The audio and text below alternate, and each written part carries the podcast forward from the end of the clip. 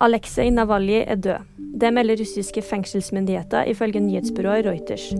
Navalny ble i desember flytta fra et fengsel nær Moskva til den arktiske straffeleiren på Jamalhalvøya. Han var kjent for å være kritisk til det russiske regimet. Verstappen om Hamiltons Ferrari-sjokk. Formel 1-stjernen Max Verstappen spår en pinlig sesong for Louis Hamilton etter overgangen til Ferrari, som skjer i 2025.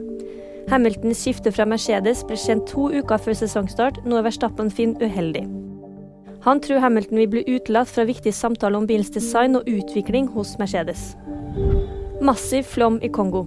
Tusener av mennesker er hjemløse etter at kraftig nedbør har ført til den høyeste vannstanden på 60 år i Kongoelva. Flommen har kosta 221 mennesker livet og ødelagt titusener av hus. 500 000 mennesker måtte rømme fra hjemmene sine siden flommen nådde toppen i desember, og mange av dem bor nå i provisoriske leirer. Og nyhetene finner du på VG.